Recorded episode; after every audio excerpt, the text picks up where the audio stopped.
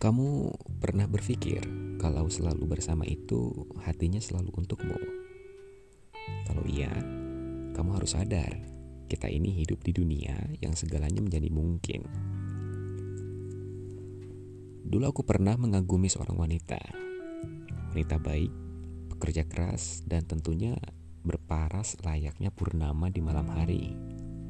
Tapi sayang, aku tidak bisa menjadi bintang di sisinya. ya, hatinya bukan untukku. Aku tahu dia begitu bukan tanpa sebab. Kalau kamu pernah mendengar istilah yang baik bertemu dengan yang baik, yang buruk bertemu dengan yang buruk, maka itu adalah perumpamaan yang cocok untukku. Sekarang dia sudah menikah. Aku hanya bisa turut berbahagia tanpa bisa menjalani kebahagiaan bersamanya. Konyol memang, tapi itulah perjalanan hidup.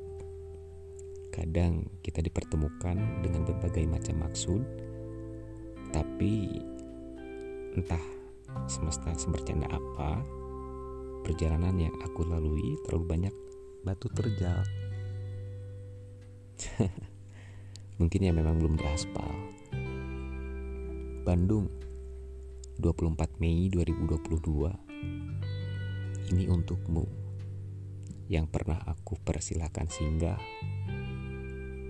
di benakku.